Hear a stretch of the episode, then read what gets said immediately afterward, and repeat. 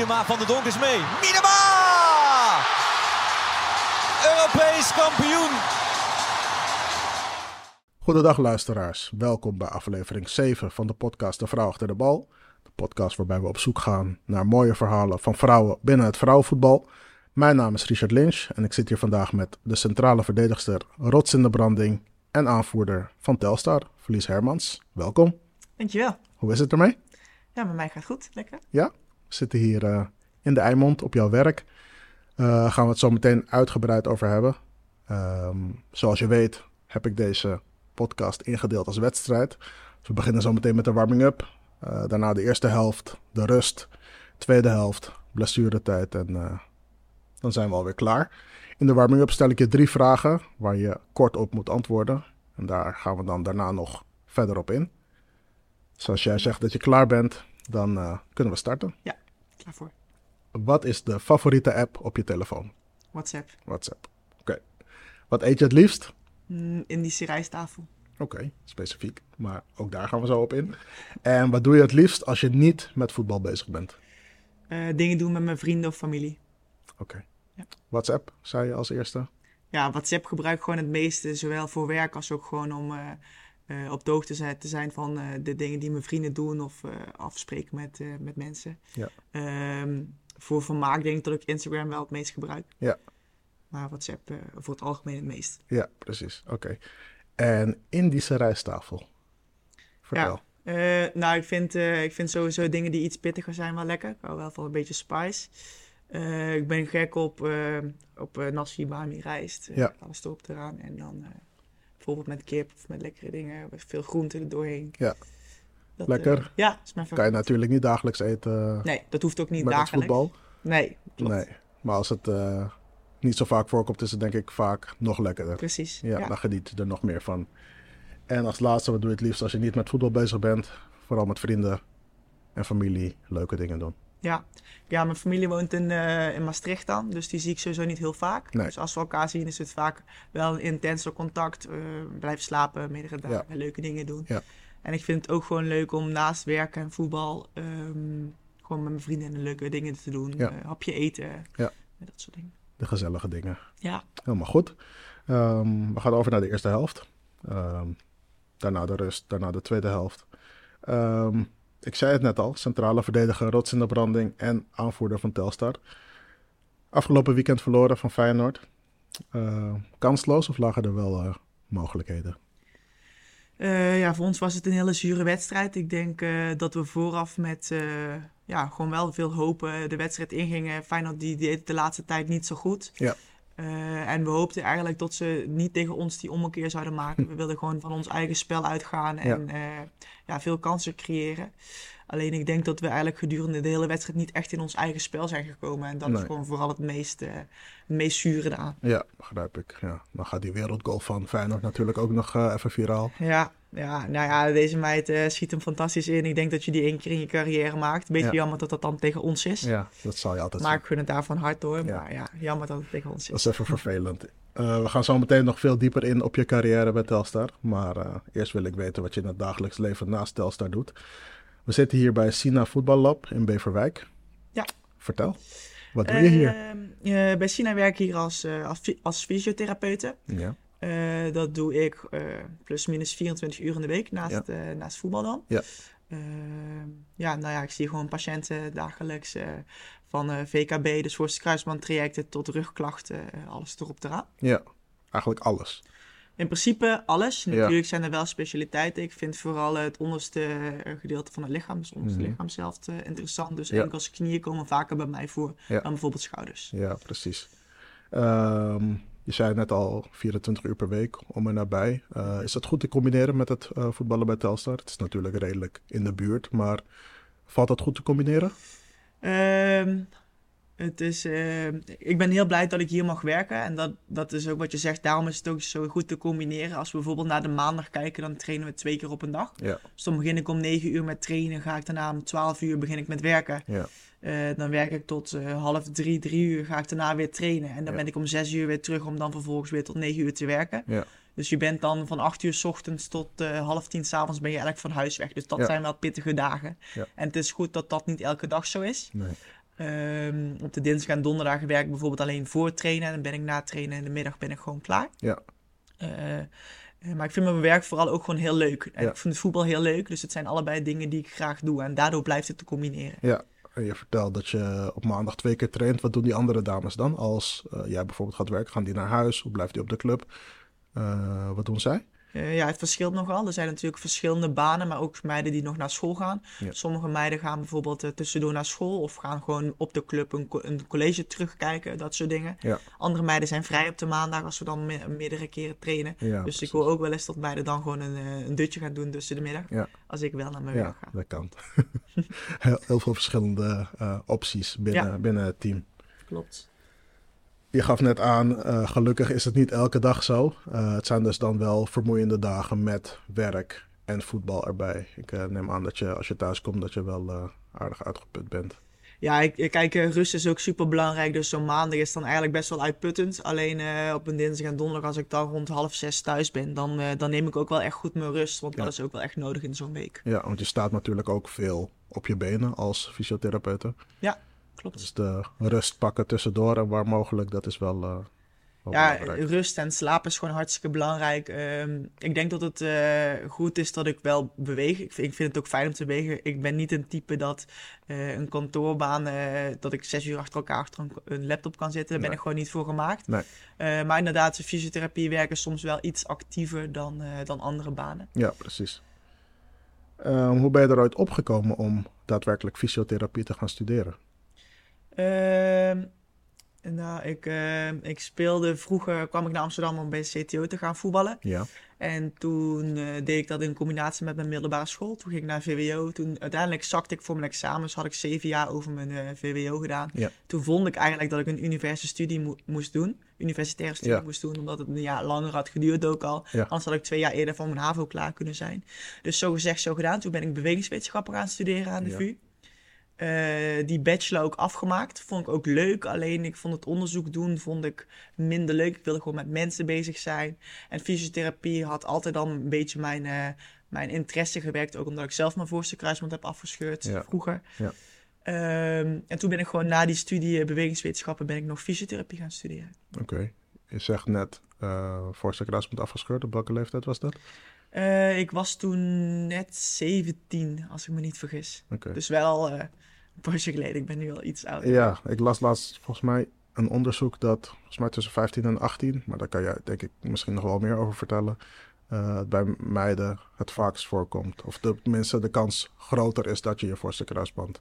Scheurt. Ja, ik vind sowieso als ik de laatste tijd eh, het nieuws volg en ook bij, eh, in de topsport volg, ook bij oudere dames, dat het best wel vaak nog gebeurt. En het is natuurlijk zo dat vrouwen gevoeliger zijn voor het eh, scheuren van de kruisband dan mannen, Ja. door de stand van de knieën, et cetera. Ehm, vrouwen hebben veel meer te ma- maken met een hormooncyclus, waardoor ligamenten ook lakser kunnen worden. Dus wij zijn er als vrouw gewoon veel gevoeliger voor. Ja. Ehm, en we zijn er wel steeds meer mee bezig in het profvoetbal. Ik merk met trainingen dat we ook veel meer qua preventieve training bezig zijn om die bovenbenen te versterken, zodat die knieën minder eh, w- ja, werk bekostigen, zal maar Ja. Eh, maar goed, ja, Hoe, hoe lang heb jij toen gedaan over je revalidatie? eh, precies negen maanden. Met negen maanden speelde ik weer in de eerste, eerste minuten. Dat is Dus, wel eh, eh, ja, vrij rap. Ja, dus het is vrij rap. Ik heb toen weg, elke dag eh, ben ik toen naar de fysio toe geweest. Eh, daar hard getraind, Ja. eh, teruggekomen. Maar ik heb gelukkig ook geen tegenslagen gehad in mijn revalidatie. Dus daar ben ik heel erg, heel, heel erg dankbaar voor en Ja. blij mee. Ja. En daardoor ben ik juist het fysiotherapievak ook zo gaan waarderen. Omdat zij mij enorm hebben geholpen toen de tijd. Ja, kan ik goed begrijpen. Voor je fysiotherapieopleiding moet je dan vaak ook stages volgen, denk ik. Waar heb je die stages eh, gelopen? Ehm, en mijn laatste stage heb ik gevolgd bij Fysiokliniek Amsterdam. Dat is Mhm. eigenlijk dezelfde praktijk waar ik voor hersteld heb ben voor mijn ja. voorste kruisband. Ja. Dus die link bleef altijd wel een beetje eh, aanwezig. Ja. Eh, en de andere stage heb ik gevolgd bij, een, eh, bij de Prinsenstichting. is een stichting voor mensen met een verstandelijke en vaak ook een fysieke beperking. Die doelgroep sprak me toen heel erg aan. Ja. Nu iets minder. Ja, begrijp ik. Je gaf net aan dat ehm, jullie er eigenlijk preventief steeds meer voor zorgen, bijvoorbeeld bij de club, om eh, blessures, of in ieder geval kruisbandblessures, tegen te gaan. Eh, hoe zorg je er zelf voor dat je fysiek voor de volle 100% eh, kunt geven op het veld, qua voeding, qua kracht? Mhm. Hoe zorg je daar zelf voor? Ehm, nou ja, we hadden het net al over rust en over slaap. Ik denk dat dat voor mij heel erg belangrijk is. Ik merk aan mezelf als ik minder slaap, dat ik ook eh, zowel eh, mentaal dus een beetje chagrijnig kan zijn, Ja. als fysiek gewoon minder kan presteren. Dus dat is super belangrijk. Daarnaast is voeding, wat jij net zegt, ook hartstikke belangrijk. Eh, genoeg eiwitten na een training, genoeg koolhydraten voor een training. En zo'n eh, een, een, een maaltijd eigenlijk altijd zo compleet mogelijk maken. Ja, ik vind het mooi om ja, die overtuiging zo te horen. En dat je er zo mee bezig bent. En natuurlijk moet dat wel. Maar dat is niet bij iedereen eh, eh, het geval. Klopt, dat klopt. Maar goed, eh, inmiddels loop je al een aantal jaar mee en je Ja. wordt wat ouder. En je moet inderdaad, zoals je net zegt, het combineren met werk. Ja. Dus juist die dingen daaromheen blijven hartstikke belangrijk. Eh, als laatste over het fysio-stukje. Wat is de vreemdste blessure waarmee, waarmee iemand bij jou in de praktijk is binnengekomen? Oeh, ehm, bij mij in de praktijk, val- nu hier valt het denk ik wel mee. We zien heel veel sport, eh, sportblessures. Ja. Dus eh, ik vind voorste kruisbandtrajecten heel erg leuk, omdat ik dat ook zelf heb gehad. En dan Ja. een beetje kan levelen met die mensen. Ja. Maar ik weet nog dat, we in de, dat ik in mijn stage liep. En dat we ook heel vaak met prothesemakers te maken hadden. Mhm, Ja. En dan was er iemand die zijn bovenbeen eigenlijk niet meer bruikbaar was, maar zijn onderbeen wel. Waardoor uiteindelijk het bovenbeen geamputeerd is moeten worden. En ze het onderbeen als nieuw bovenbeen gebruikt hebben. Dus een soort Ja, ja, ja, ja, ja. Eh, waardoor de, bijvoorbeeld de enkel als nieuwe knie functioneerde. Oh ja. Dus dat was wel super tof om, Ja. een, keer, eh, om een keer te zien. En diegene dan met zo'n zo'n enkel als knie te zien rennen weer bijvoorbeeld. Ja, Dus dat is wel, ja eh, dan wel maak je natuurlijk dat hele proces mee. Ja, Ja, dat is wel, eh, dat is wel een aparte blessure, ja. zeker. We gaan, eh, we gaan er weer naar de rust. Ehm, hoe vind je het zelf? Dit? Leuk. Ja? ja. Ja? Ben je normaal gesproken als aanvoerder ook een soort van uithangbord van de groep of valt het wel mee? Ik denk dat dat wel meevalt. Ik denk dat, eh, dat ik op zich wel goed met iedereen kan binnen een team. Wel hou van een grapje maken tussendoor, dus het allemaal niet altijd even serieus hoeft te nemen, waardoor Nee. de sfeer ook goed blijft.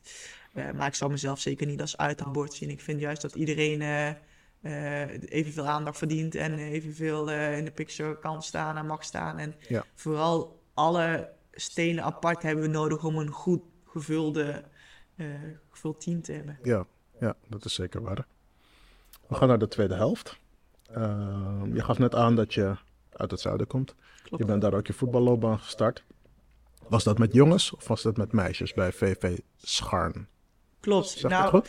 Heel, ja, je zegt het goed, VV Ja. Scharn. Ehm, ik mocht eerst niet op voetbal van mijn ouders, want Oh. ze vonden het een jongenssport. Ja. Dat, eh, dat heb je misschien wel vaker gehoord. Ja. Eh, maar mijn vader die heeft vroeger wel bij MVV gevoetbald. Mhm. En hij was wel voetbalgek.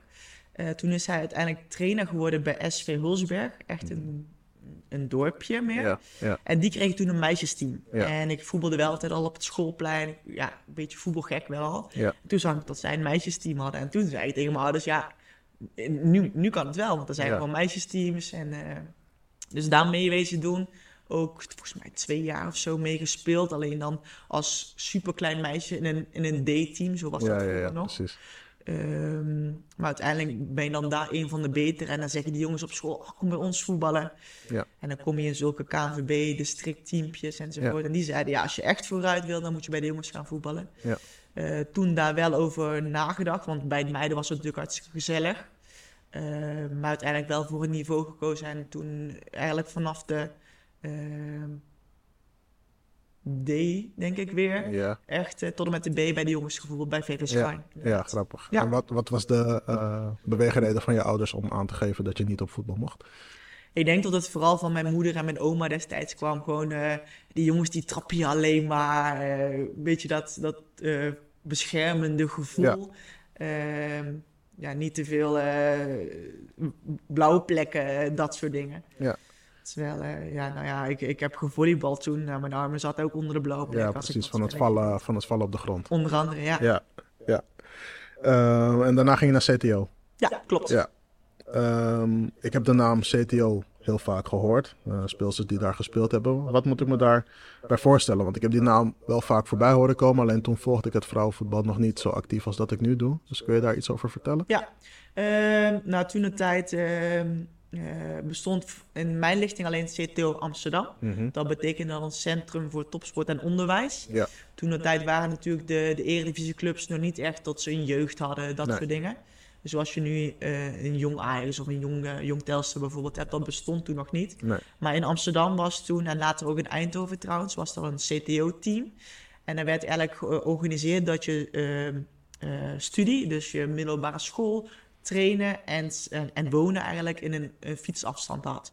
Dus dan ging je eigenlijk net als je nu eigenlijk een beetje probeert te organiseren dat alles gewoon eh, heel dichtbij is. Probeerde je eh, s ochtends te gaan trainen met de Ja. fiets, en dan naar school te gaan Ja. en te wonen met die meiden op een flat. En dan, eh, En dat heb jij dus in Amsterdam gedaan? ja, klopt. Toen, toen de tijd was alleen Amsterdam. Misschien als Eindhoven eerder was gekomen, was dat voor mij makkelijker Ja, was iets dichterbij geweest bij het zuiden. Inderdaad. En met wie heb je daar ehm, bijvoorbeeld nu uit de Eredivisie nog meegespeeld? Of zijn er bijna geen dames meer die eh, in de Eh, Eredivisie spelen? Nou, dat is wel grappig, want er zijn er niet superveel over. Maar bijvoorbeeld Soraya Verhoeven, wat nu bij Ja. Ajax speelt. Lise Kop zat toen, eh, toen een tijd in dezelfde lichting. Eh, Ilse van der Zanden, die nu naar Utrecht is gegaan. Ik zat bij DTS Ede. even. klopt, eerder bij Ja. DTS Ede. Ja. Zij, zij zaten al- allemaal in dezelfde lichting als ik. Maar er zijn ook genoeg speelsters eh, waarvan ik toen de tijd dacht, wauw. Maar Ja. die het uiteindelijk niet gered hebben. Of die Ja. toch voor, eh, voor andere dingen gekozen hebben, bijvoorbeeld. ja. En je hebt ehm, na VV Schaarn heb je bij Wartburger gespeeld. En van Wartburger ben je naar Telstar gegaan. Ehm, kun je het grootste verschil noemen, noemen tussen top amateur en in dit geval eh Azerion Vrouwen Eredivisie? Wat, wat, wat is daar het grootste verschil in? Ehm, ik vond het vooral leuk om weer, of in ieder geval Eredivisie te gaan spelen, zodat ik in ieder geval weer uitgedaagd zou worden. Ja. Je merkt toch dat het niveau hoger ligt, je kan weer dingen leren. Ehm, en daarnaast train je natuurlijk zes keer in plaats van twee keer in de week. Ja. Dat is- verschil is ook wel erg groot.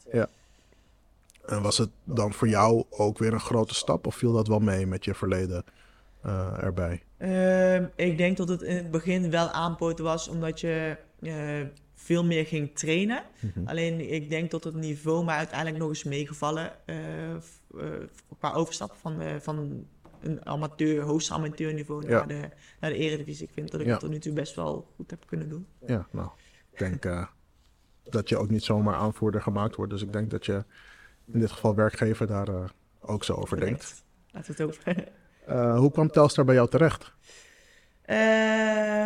Hans de Winter, Ja. eh, bekende voor jou. Voor mij ook bekend. Ja, Ja, mijn mijn eh, oude trainer. Klopt, hij was natuurlijk alweer een poosje nadat Telstar de eerste keer gestopt was.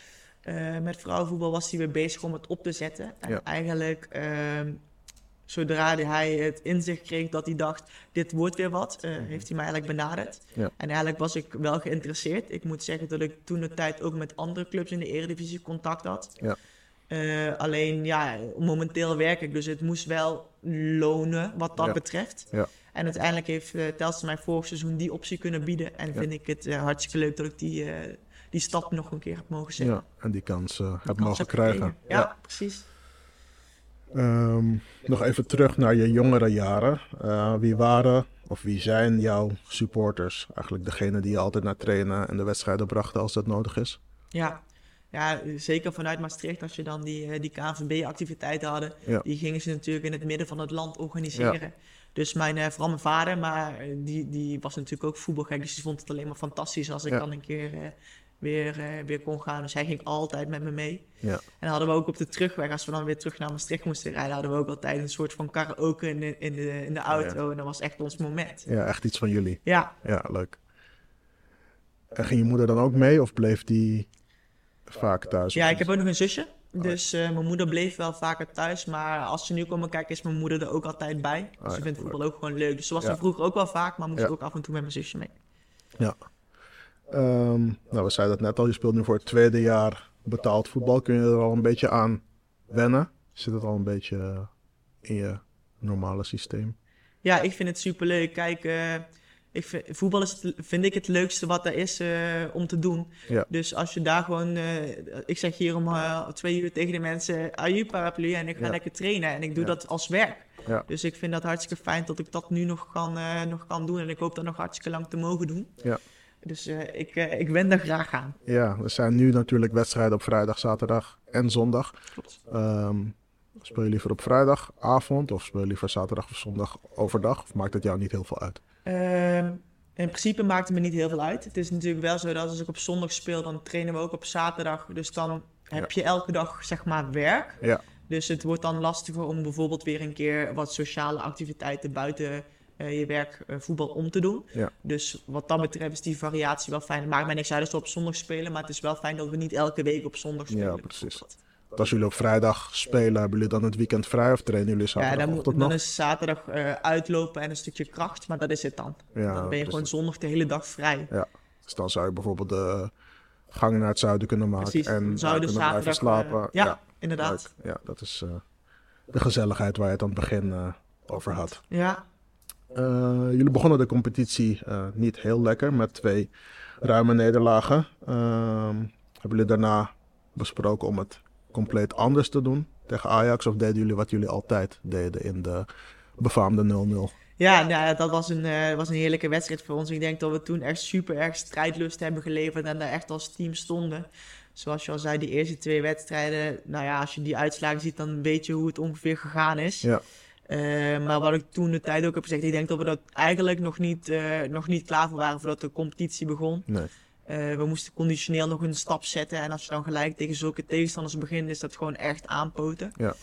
Ehm, en na die twee eerste wedstrijden, PSV en Twente, hadden we natuurlijk een oefenwedstrijd tegen Anderlecht. Daar konden we echt goed inkomen. Ja. Speelden we goed 1-1. En toen hadden we het gevoel dat we pas klaar waren voor de competitie. Ja. En dat was gelijk te zien eh, in die wedstrijd tegen Ajax. Tegen Ajax, ja. Ja. Vorig seizoen ehm nou, we hadden regelmatig, en niet per se bij jullie, maar regelmatig in de Aserio en Eredivisie, best wel ruime uitslagen. Eh, heb je het gevoel dat het niveau van de verschillende clubs onder de top eh, iets meer naar elkaar toegegroeid is dit seizoen? Oeh, eh goede vraag. Ehm, ik, ja, wat je natuurlijk wel ziet is dat de, de speelsters die, die er met kop en schouders bovenuit steken vorig seizoen bijvoorbeeld in Esme en Brugge, dat die een overstap maken naar het buitenland. Ja, Dus ik denk, Fenna Kalma bijvoorbeeld, ja. die scoorde natuurlijk ook best wel eh, geregeld, ook tegen ons helaas. Ja.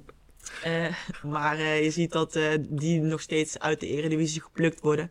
En daardoor ja, de toppers eigenlijk weggeplukt worden. Dus het, Ja. het, het is wel zo dat het misschien voelt alsof het meer naar elkaar toe komt. Ja.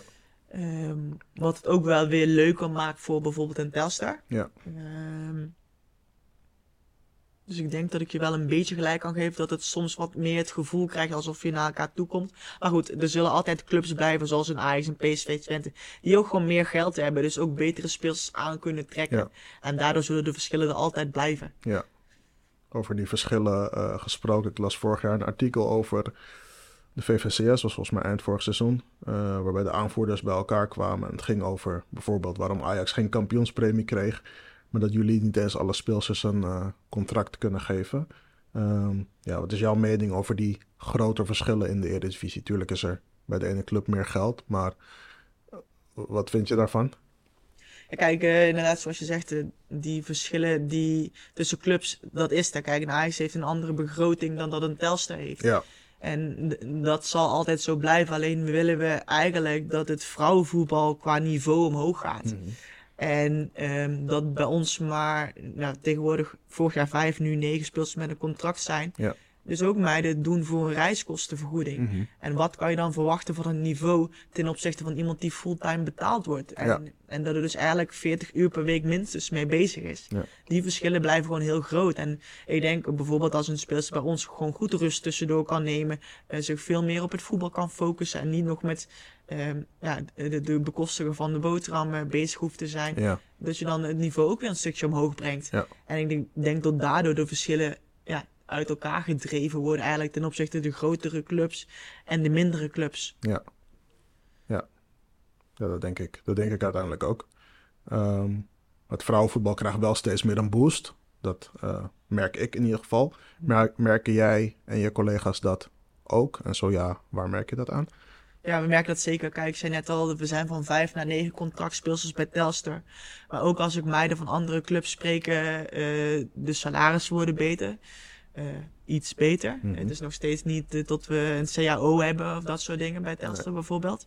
Dus ik denk dat daar nog echt stappen aan, aan, eh, aan te zetten zijn. Maar ook de dingen rondom het voetbal heen. Het wordt steeds professioneler. Eh, ja, waardoor de, het niveau ook weer omhoog kan gaan. Ja. Er wordt steeds meer eh, merchandise gedaan. Er komen steeds meer op. eh eh, ESPN wil meer aan uitzendrechten gaan doen. Ik denk dat dat alleen maar heel goed is voor het vrouwenvoetbal. Ja. Zie jij eh, verder nog, eh, los van hetgeen wat je noemt, kansen om het eh, vrouwenvoetbal nog meer op de kaart te zetten? Nou ja, zoals je zag met het Nederlands vrouwenteam. Ik denk als zij het goed doen, of als bijvoorbeeld een Ajax het straks in de Champions League goed gaat doen, Ja. dat ook weer eh, meer aandacht krijgt. En hopelijk en dan ook op een positieve manier, waardoor het alleen maar verder kan groeien. Ja. Dus juist die, die momenten van ja, opspraak in een, in een goede zin zijn eigenlijk alleen Ja. maar goed voor het Ja. vrouwenvoetbal. Ja, ik ga, nou niet toevallig, want ik heb, een, ik heb drie kaartjes gekocht, maar ik heb een paspartout gekocht voor die wedstrijden van Ajax. Leuk. En die zijn natuurlijk op vaste tijden, kwart voor zeven of eh, negen uur. Dus ik ga één wedstrijd met mijn dochter in elk geval, die van kwart voor zeven. Negen uur is net even te laat. Ik ben eh, ja, heel benieuwd naar de tegenstand. Paris, ehm AS. Roma en ehm, wie was die derde nou? Bayern München. Bij München, ja, Ja, klopt. klopt. dus eh, dat zijn denk ik mooie tegenstanders. Zeker, om tegenstanders. jezelf te laten zien, maar ook om het Nederlands voetbal op de kaart te zetten. Ja. Het zou een beetje zonde zijn als ze er eh, met zes wedstrijden eh, nul punten kansloos afgaan. Dus eh, ik ben Wij benieuwd. kunnen 0-0 tegen Ajax spelen, dus Ajax kan vast ook punten van de rest Ja. afsnoepen. Ja, als ze jullie speelplan even kopiëren, dan moet het, vast, moet het vast lukken. Ja. Heb je voor jezelf nog doelen op het gebied van voetbal of juist fysiotherapie? Eh, allebei wel. Ehm, nu wil ik me toch meer focussen op het voetbal wel. Fysiotherapie is voor nu nog bijzaak. Alhoewel Ja. ik daar later ook wel zou willen groeien, omdat je dat nog super lang kan doen. Tuurlijk, ja. Eh, wat betreft voetbal wil ik gewoon kijken waar, waar de lat ligt. Ehm, ik ben nu niet meer de jongste, maar ik ben ook zeker niet uitgevoetbald. Ehm, en ik ben nu aanvoerder van Telstar. Eh, ik denk dat ik het tot nu toe goed heb gedaan en dat we als team groeien. Ja. Eh, dus ik wil zeker voor aankomende seizoenen eh, kijken waar de lat ligt of we Ja. nog stapjes kunnen maken. Heb je nog een eh, mededeling voor meisjes of vrouwen die nu nog bij de amateurs voetballen en dromen van een carrière in profvoetbal? Ja, kijk, ik ben, ik heb vroeger natuurlijk wel bij CTO gevoetbald, dus ik was misschien wel al in de picture, maar ik ben op mijn 26e pas weer in de Eredivisie teruggestroomd. Dus Ja. blijf altijd dromen, blijf je best doen. Als je het wil, is er altijd een mogelijkheid. Ja. Ja. Dus als je het wil, eh, ga ervoor. Dat is een mooie, dat is een mooie uitspraak. Ehm, we gaan richting de blessuretijd, waar ik eh, ook weer, net als in de warming-up, drie vragen stel. Waar je kort op moet antwoorden en dan eh, kunnen we daar nog even op ingaan. Ja. Wie is de beste speelster waarmee je tot nu toe hebt gespeeld zonder iemand tekort te doen? Je mag er ook meerdere noemen, want iedereen die hiervoor is gegaan, die vond het vrij lastig om er één te noemen. Ja, ik, poeh, eh, is ook een lastige vraag. In de, in de jeugdselecties van, eh, eh, van de KNVB heb ik met Dominique Jansen eh, samen gevoetbald. Dat is natuurlijk een grote naam. Ze doet het nu supergoed bij Wolfsburg. Is ook een van die vaste krachten van het Nederlands team. Ja. Dus dat is echt een goede speelster. Maar zoals ik toen straks zei, eh, bij CTO speelde bijvoorbeeld Michelle Hendricks. Zij heeft later nog bij PSV gevoetbald ook. Mhm, Ja. Maar is nu bijvoorbeeld weer eh, op een lager niveau aan, aan de gang. Ook omdat ze met blessures te maken kreeg. Ja. Maar dat was een speelster waarvan ik dacht, wauw. Die gaat het sowieso gaat het halen. sowieso halen. Ja, Ja. dus eh, daar keek ik toen echt ik op een beetje. Ja, en waar heeft zij nog gespeeld in de Eredivisie? PSV heeft zij nog gespeeld. Ja. ja. Oké. Wat is het mooiste wat je tot nu toe in je carrière hebt meegemaakt? Ehm, oeh, ehm, toen eh, selectie gespeeld het Nederlands team 116. Dat Mhm. was wel gewoon heel tof en leuk en spannend. Ja, Maar ik vind het bijvoorbeeld ook een eer dat ik afgelopen eh, seizoen eh, tot aanvoerder ben geprezen van Telstar. Dat heeft, heeft me ook goed gedaan. ja. Ja, is wel een eer. dat zijn mooie, mooie dingen die je Zeker. kan afvinken op je, op je lijstje. Ja. Als laatste, wat mis je totaal niet aan het voetbal op het moment dat het zomerstop of winterstop is? Nou, je zal mij in de winter of zomerstop altijd wel een balletje zien hoog gaan, omdat ik het spel gewoon zo leuk vind. Ja. Maar ik haat het als het regent, als ik het veld op moet gaan. Ja. Dus bijvoorbeeld als het een warming-up is en dat het dan met, met bakken uit de hemel Ja, komt. dat herken ik wel. Echt verschrikkelijk. Ja, dat is ook, eh, dat is ook vervelend. Dan ben je al doorweekt als de wedstrijd moet beginnen. Precies, ja. En eh, ja, ik heb ook bij clubs gespeeld waar je niet de mogelijkheden had om eh, steeds van tenuutje te wisselen. Dus voor de wedstrijd of juist in de rust. Eh, sommige clubs hebben dat natuurlijk wel. Dus dan ja blijven, is de hele, blijven de hele wedstrijd doorweekt. Dus ja. dat En herken je ik. weer helemaal koud het veld op de Ja. tweede helft. Ja, dat- dat, mis ik niet als Nee. ik of zomerstop heb. Nee, dat, dat snap ik. Als laatste zou je de groeten willen doen aan mijn oud-trainer waar we het net over hadden, Hans de Winter. Als je Tuurlijk. weer bij de club bent. Gaan leuk, leuk. Eh. hij was mijn trainer bij eh, Telstar B1, way back. Wat ik net zei, in volgens mij Ja, in 2000, dus uh, dat is wel een tijdje geleden. Inderdaad. Voor de jonge luisteraars misschien een uh, hele tijd geleden. Um, ook voor jou heb ik, net als voor de andere gasten, een aandenken. Voor de luisteraars die als eerste luisteren. ik heb voor ehm, Verlies een mok met het logo van de vrouw achter de bal meegenomen. Dankjewel, leuk. Dus die is voor jou. Thanks. Um, ja, dan wil ik je bedanken voor je tijd. Uh, dat ik ja, hier mag opnemen bij, uh, bij je werk. Dat we het hebben, dat we het hebben, dat we het konden hebben over uh, je werk, over je club Telstar en alles wat je daar doet, je verleden. Dus thanks daarvoor, superleuk. Geen dank, vond het ook hartstikke leuk. Um, dan heb ik nog een mededeling voor de luisteraars. Vond je dit nou een leuke podcast? Um, laat dan vooral even een review achter. Zo wordt de podcast beter vindbaar voor nieuwe luisteraars. En wil je de volgende aflevering niet missen? Abonneer dan op dit kanaal. Um, jullie kunnen me volgen op Instagram. Account De Vrouw Achter de Bal. Volledig aan elkaar. En voor vragen, opmerkingen of eventueel commerciële samenwerkingen kunnen jullie mailen naar um, de vrouw achter de bal gmail.com. Verlies nogmaals bedankt. En voor de luisteraars zeg ik uh, tot de volgende.